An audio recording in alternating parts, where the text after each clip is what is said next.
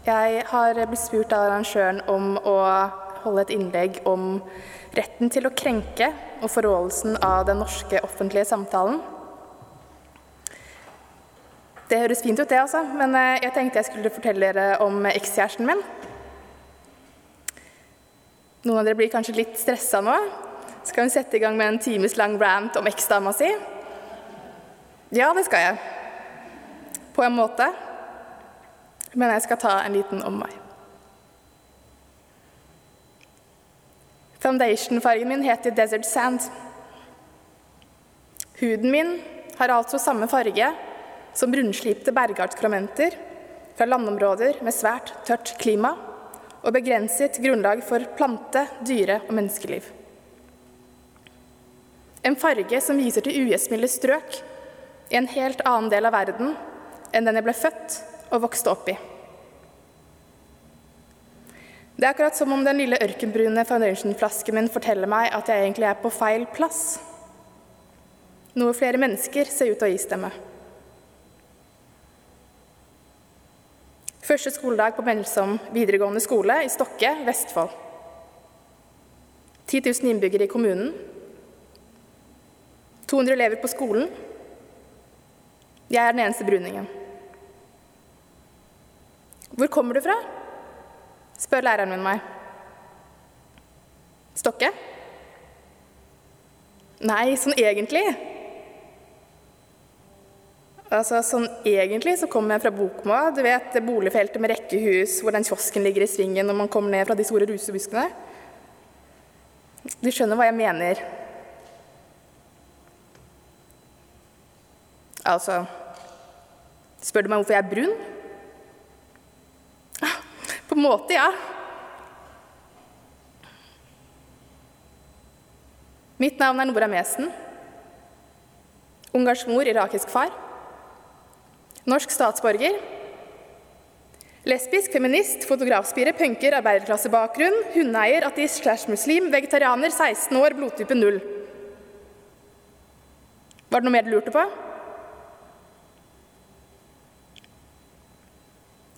Det var ikke så mange som så ut som familien min da jeg vokste opp i Stokke på 80- og 90-tallet.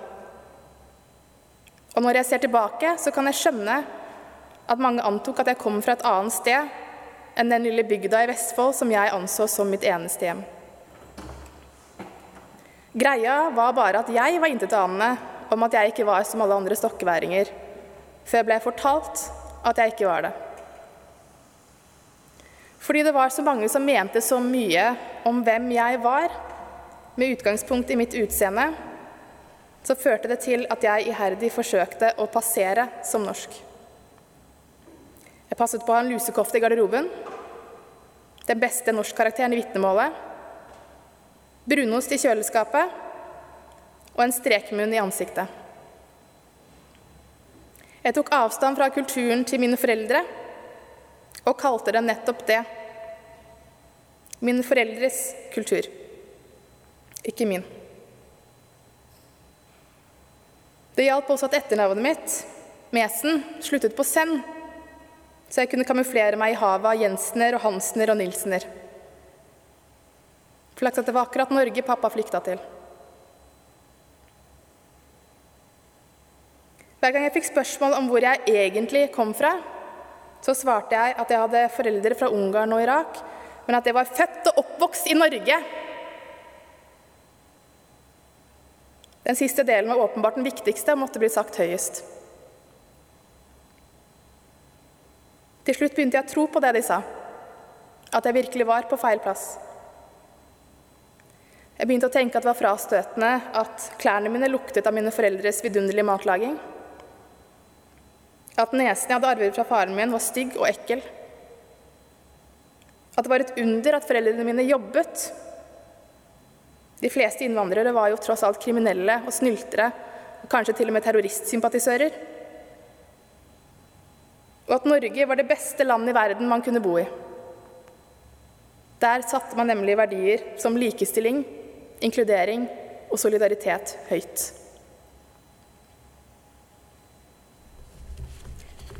Jeg husker friminuttene på ungdomsskolen.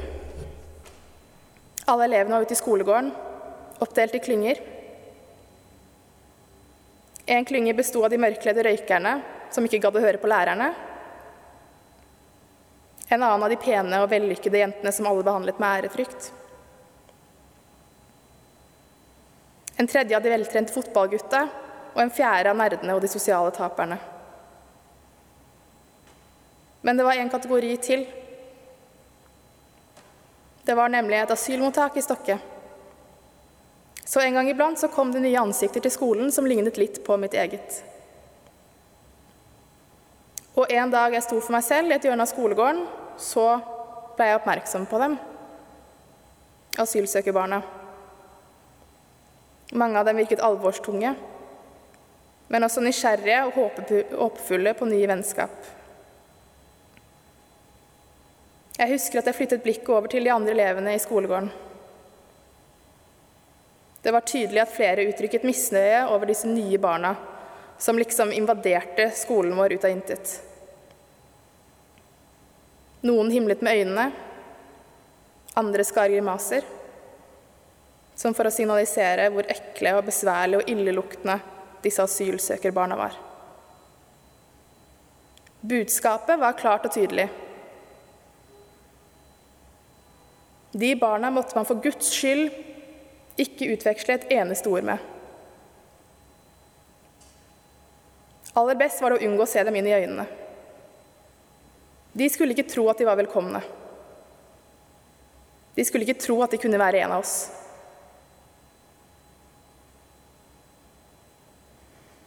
Jeg husker at jeg lot blikket falle på asfalten i skolegården den dagen for å være på den sikre siden. Øynene våre måtte ikke møtes. Dette osset som flertallet av elevene utgjorde, var en kompleks og vanskelig størrelse å forholde seg til fra mitt perspektiv. Jeg visste at jeg like gjerne kunne vært en av de asylsøkerbarna. Jeg var selv datter av en flyktning. Samtidig var jeg livredd for å bli avslørt som dette. Jeg så jo hvor brutalt det var å være utenfor fellesskapet. Så jeg føyet meg til majoritetens tyranni. Det rev i meg å delta i denne hatefulle atferden som så mange av elevene på skolen utviste overfor asylsøkerbarna. Som egentlig burde bli møtt av oss med åpne armer og hjerter. Istedenfor la vi til på ulykkeligheten deres.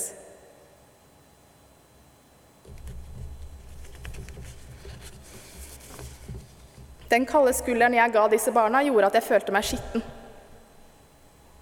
Skitten på innsiden for at jeg hadde vært med på å skyve dem lenger ut i utenforskapet. Og skitten på utsiden fordi det utseendemessig ikke var så mye som skilte dem fra meg selv. Denne følelsen ga meg lyst til å skrubbe bort den ørkenbrune hudfargen min, skjære arabernesen min ned til en smalere og rettere variant, og erstatte det brune håret mitt og øynene mine med blonde lokker og et lyseblått blikk. Jeg hadde så lyst til å bare være meg selv, uten å risikere å havne på utsiden. Store deler av barndommen min så trodde jeg derfor at assimilering, kamufleringen av mitt egentlige jeg, var løsningen. En annen episode fra ungdomsskolen som har satt sine spor i meg, er fra 12.9.2001, dagen etter terrorangrepet i New York. Rektoren på skolen hadde beslutta at vi skulle ha ett minutts stillhet ute i skolegården til minne for ofrene. Og mens vi sto der i stillhet under den grå himmelen, så hørte jeg plutselig en medelev mumle Jævla muslimer. Den frasen skulle jeg få høre et utall ganger i årene som fulgte, med tiltagende volum.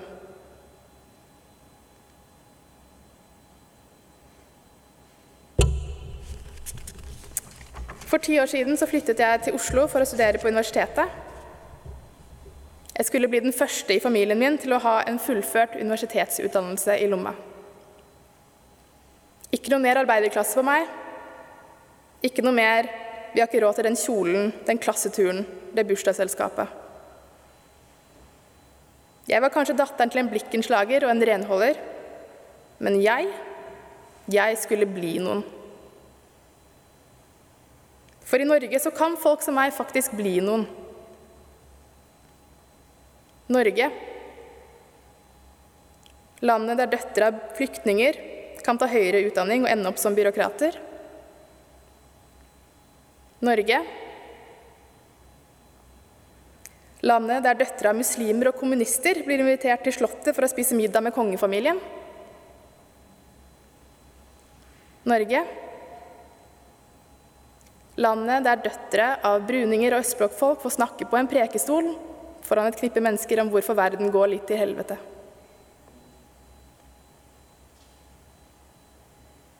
Første skoledag på universitetet. Jeg går av T-banestasjonen på Blindern og smiler idet jeg ser en søt hund gå forbi meg. Eieren sier, 'Don't be afraid, it's not dangerous'. Med en karakteristisk norsk aksent. Og jeg svarer at jeg slett ikke er redd for hunder, og at jeg tror det eller ei snakker norsk. Jeg drar på en fest og havner i prat med en fyr som sier det er så bra at du er interessert i likestilling og sånn. Da kan du kanskje bidra til at alle disse fremmedkulturelle slutter å voldta norske jenter. Jeg drar hjem til Stokkenhelg for å besøke barndomsvenninnen min. Tenåringsbroren hennes spør meg om hvordan jeg klarer å holde balansen. Fordi arabernesa di er så stor at du burde ha ligget i grøfta. Jeg drar på forelesning uten å snakke med noen, drikker caffè latte i pausen, tar meg en niste på lesesalen og drikker meg full på studentpuben. Integrert som faen.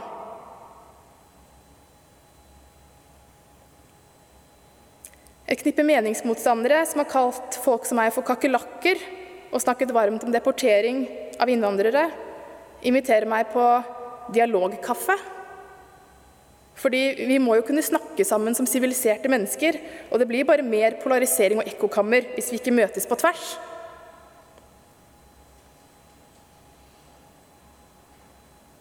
Jeg åpner avisen og leser at kong Harald mener at løsningen på flyktningkrisen er å hjelpe flyktningene i nærområdene. Et ekko fra FrPs partiprogram. Og han fortsetter med å si fordi vi kan ikke ta imot hele Afrika i Europa. Da er det ikke så overbevisende når han kort tid etter spytter ut en tale skrevet av en av hoffets medierådgivere, hvor han erklærer at nordmenn nå også finnes i ulike fargenyanser, og at hans største håp er at Norge bygges videre på tillit, fellesskap og raushet.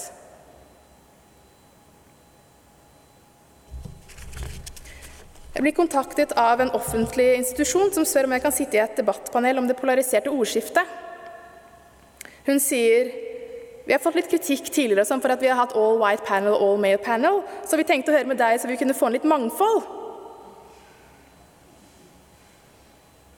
Og jeg svarer vet du, nå var du heldig fordi jeg har kampanjetilbud. Tre marginaliseringsfaktorer fra prisen av én, så jeg slenger med at jeg er en seksuell minoritet på kjøpet.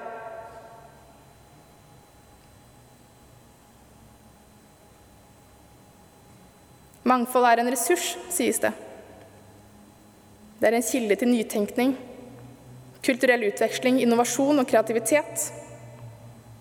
Og det er lønnsomt. Vi har ikke råd til å være en mangfoldssinke. Da blir vi forbikjørt av verden.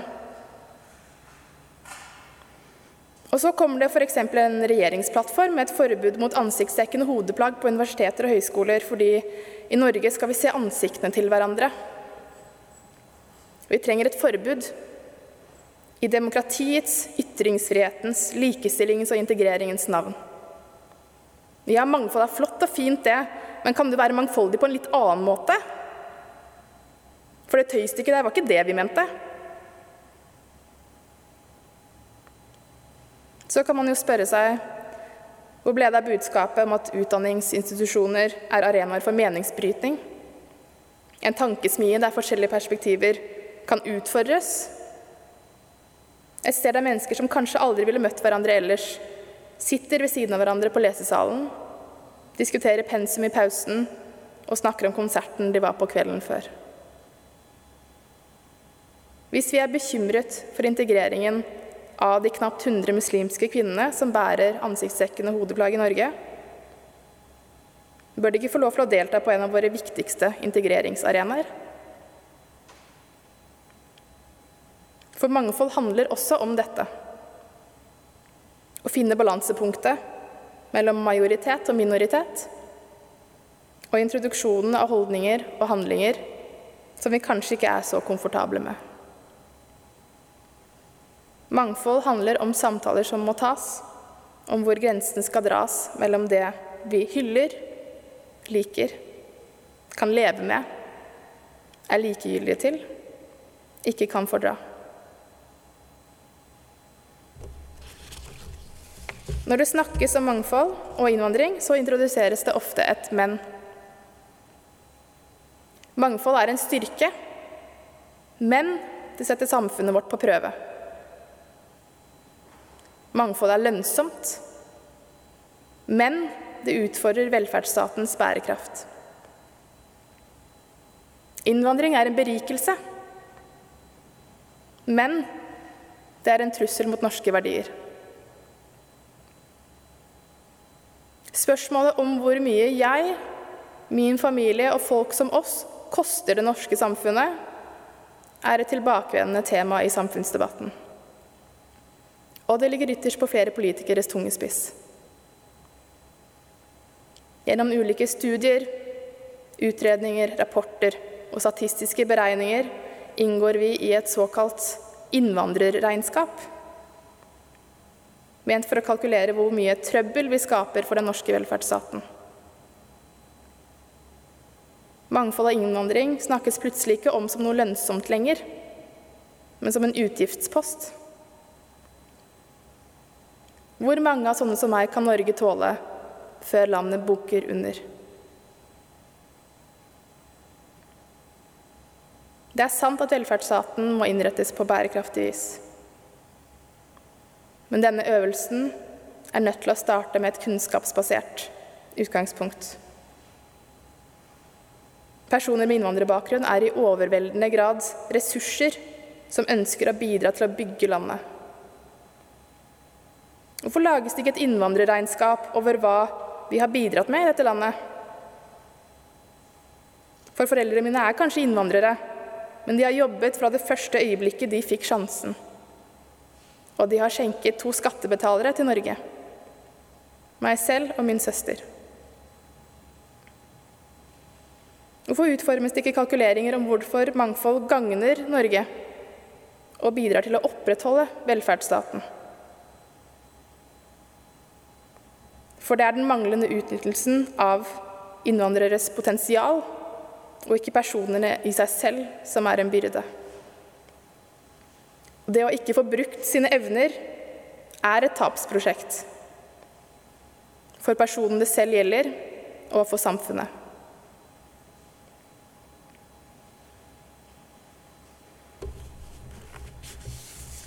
For at mangfold skal kunne omsettes til en ressurs, så må vi bl.a. skape flere møteplasser der ulike folk kan møtes ansikt til ansikt med hele seg. I polariseringens tidsalder trenger vi å skape et samfunn med færre fremmede. Vi trenger kvinner i nikab som tar høyere utdanning, som sitter på lesesalen ved siden av kvinner i miniskjørt og perleøredobber. For det er avstand mellom folk som bryter ned samholdet og tilliten i samfunnet vårt.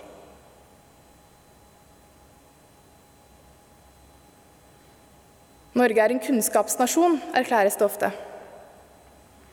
Olje er én ting, fisk en annen, gass en tredje men det er vi mennesker som har bygget landet. Med kunnskapen vi har i hodene våre, og kompetansen som sitter i våre hender. Hva er det en kunnskapsnasjon trenger å kunne, egentlig? Hva er det vi ser på som ukunnskap? Hva er det vi vil ha mer av i dette landet? Og hva, eller hvem, er det vi helst vil holde ute? Globalisering, internasjonalisering, migrasjon har brakt nordmenn ut i verden og verden hjem til Norge. Mennesker, ideer, kunnskap, varer og tjenester har beveget seg på tvers av landegrenser og, og innenfor dem. Og Norge blir stadig mer mangfoldig. Arbeidsinnvandrere, internasjonale studenter, asylsøkere, flyktninger og norskfødte med innvandrerbakgrunn utgjør en økende gruppe i den norske befolkningen. Det norske samfunnet er derfor et sted der verden kan bli mindre, gjennom at vi blir konfrontert med vår egen menneskelighet i møte med andre, og et sted der verden kan bli større, gjennom at nye rom åpnes opp.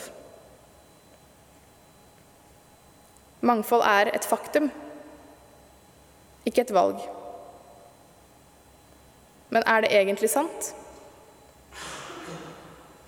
Klarer samfunnet vårt å utnytte potensialet som sitter i alle disse forskjellige hodene? Eller er det slik at majoritet og minoritet altfor ofte lever parallelle liv istedenfor å flettes i hverandre? Mangfold er et faktum, men det er også et valg. For vi vet at mange av oss, bevisst og ubevisst, velger bort de som er annerledes fra oss selv, fordi vi er så vant til å tenke at like barn leker best. Vi ser det i den manglende representasjonen av mennesker med innvandrerbakgrunn i politikken og i lederposisjoner.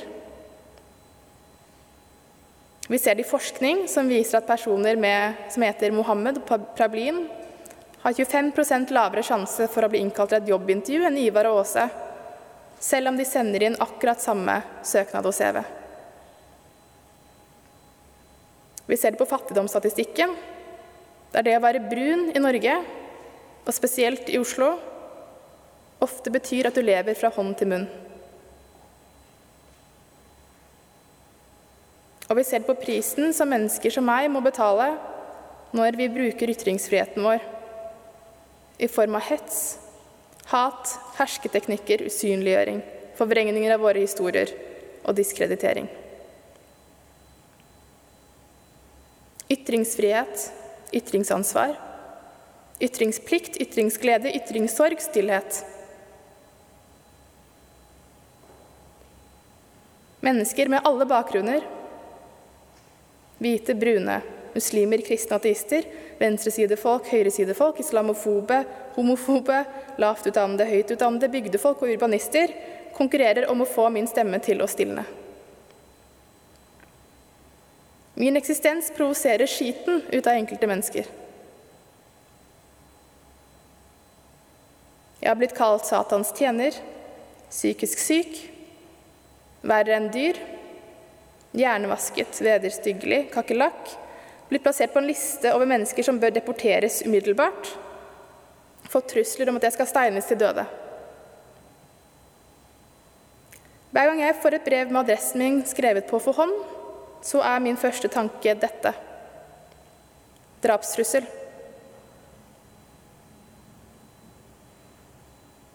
Sånn er det for noen å bidra i samfunnsdebatten, å bruke ytringsfriheten sin og delta i demokratiet.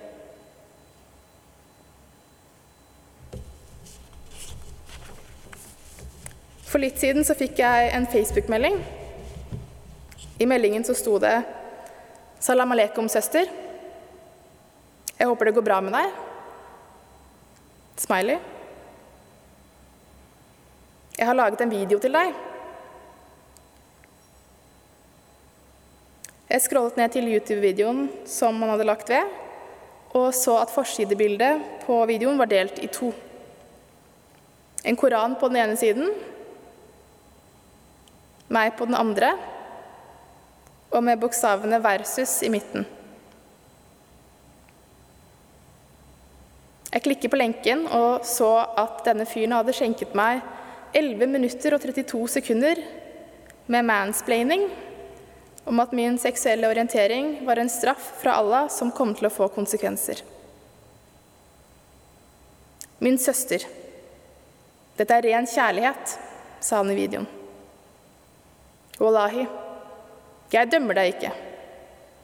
Jeg vil bare det beste for deg. Stol på meg. Jeg vil at du skal tenke over at det er galt. Søster. Vi vet begge to at det er haram.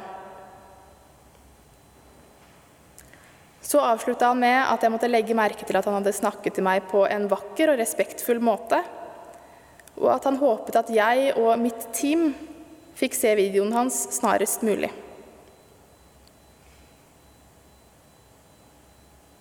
Min bror, med all respekt Kom deg ut av kjærlighetslivet mitt og min kulturelle identitet. Og du?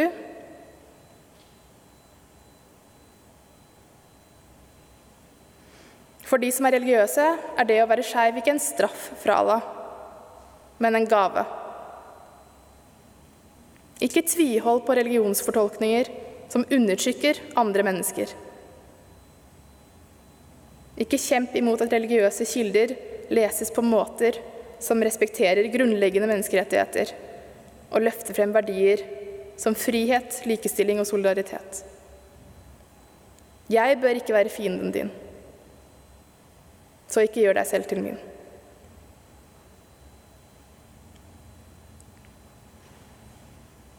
Men sosial kontroll er ikke bare noe som utøves av brune mennesker og i minoritetsmiljøer. Sosial kontroll lever i beste velgående også blant hvite majoritetsnordmenn. Og i mange tilfeller er minoritetskvinner skyteskiven.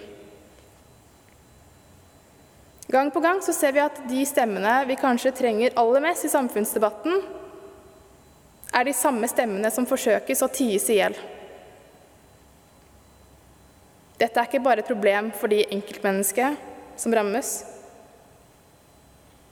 det er et demokratisk problem for oss alle. For det er ikke kvinnefrigjørende å innskrenke kvinners frihet og hetse dem til taushet. Og det er ikke integreringsfremmende å demonisere innvandrere og muslimer og utpeke dem som trusler mot våre norske verdier.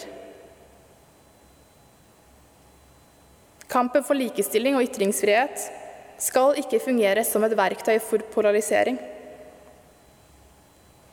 For skylappsdemokrati er ingen tjent med. Aller minst de menneskene som er mest sårbare for urettferdighet. Så hva betyr det å være en forkjemper for likestilling og ytringsfrihet? Det betyr å si imot urett når du ser den, på den måten du kan. I klasserommet på gaten, ved middagsbordet,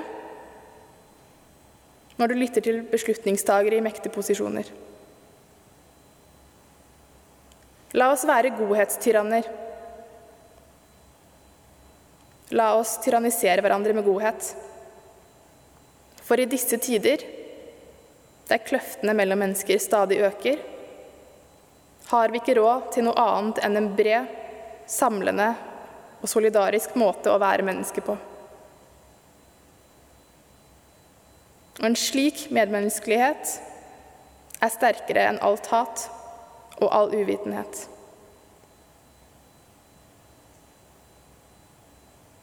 Mennesker frykter ofte det ukjente. Denne frykten sitter jeg også med.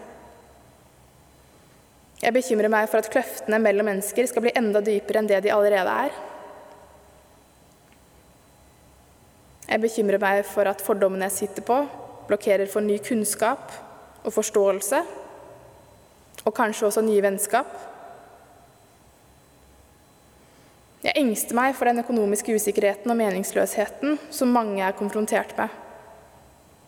Og hvordan noen få av disse som kjenner på dette, kanaliserer sine frustrasjoner på verst tenkelig vis. Jeg er redd for at bomber skal smelle igjen i byen min. Oslo. At uskyldige liv skal gå tapt. Noen mennesker, enten det er politikere eller andre som sitter på makt i samfunnet, utnytter denne frykten på måter som fremstiller enkelte grupper som fienden og dem selv som redningen. Som en muslim innvandrerbakgrunn og datter av en flyktning er det vanskelig å overse effekten av denne populismen og hvordan den treffer min kropp, kroppen til min familie og folk som oss. En annen ting som tynger meg, er når kampen mot homofobi og transfobi blir utnytta og bidrar til en andregjøring og demonisering av asylsøkere og flyktninger og andre migranter. De tar med seg sine dårlige holdninger hit. Best å holde dem ute.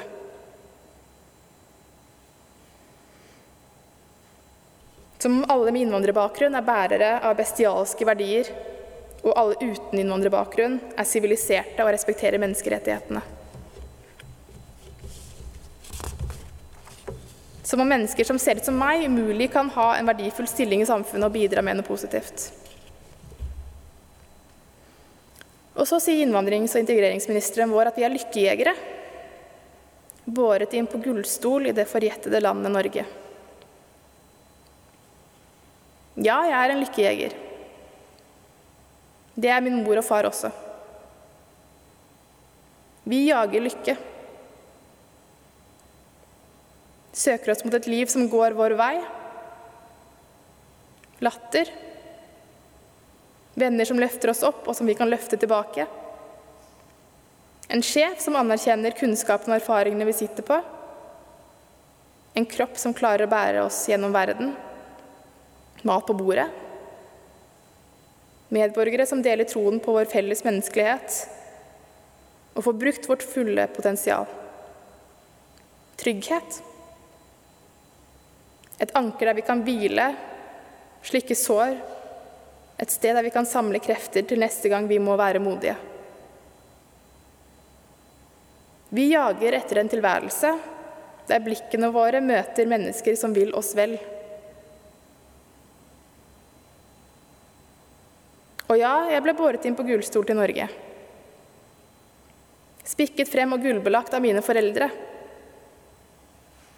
som gjorde det de kunne for at jeg og søsteren min skulle få et bedre liv enn dem.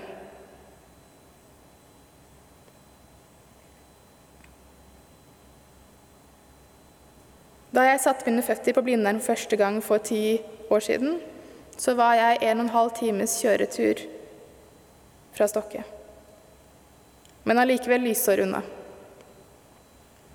Jeg var ikke lenger den eneste bruningen på skolen. Og i klassen så var hun som skulle bli min kjæreste, og enda senere min ekskjæreste, rakrygget og skarp i blikket. Hun eide den hun var. Bakgrunnen sin, kulturen sin og sin norske identitet. Og hun så rett gjennom meg og lusekoften min.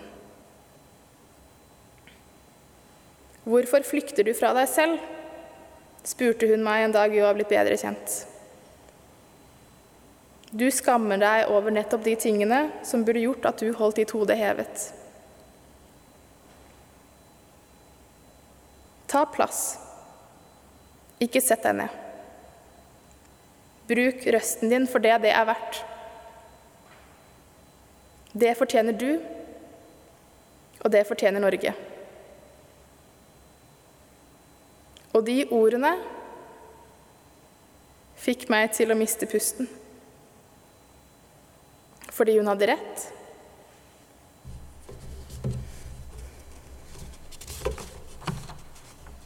Store, store deler av livet mitt så hadde jeg forsøkt å leve det på andres premisser og distansere meg fra den jeg var, for å prøve å bli akseptert. Og bare være som alle andre.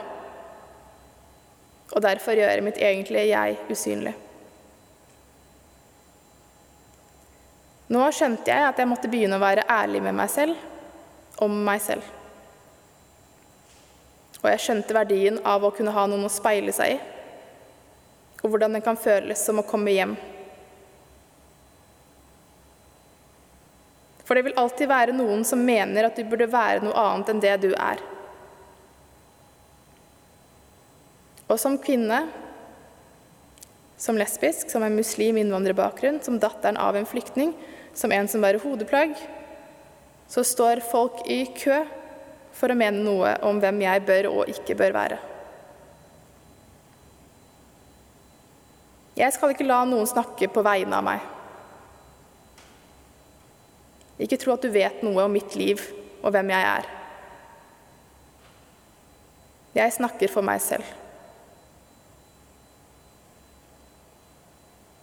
Vi trenger alle gode folk rundt oss som vi kan hente inspirasjon fra. Som tør når vi ikke tør, og som heier på oss når vi våger å komme nærmere oss selv. Vi trenger det som lærende enkeltmennesker. Vi trenger det som likestillingsland, kunnskapsnasjon, ytringsfrihetens høyborg. Hun jenta i universitetsklassen var denne noden for meg som gjorde at jeg klarte å se verdien av min bakgrunn, mine erfaringer, min stemme. Og i dag så står jeg på denne scenen, eller denne prekestolen, med arabernesten min og mer til. Ikke bare uten å be om unnskyldning for den jeg er, men som en som omfavner den jeg er.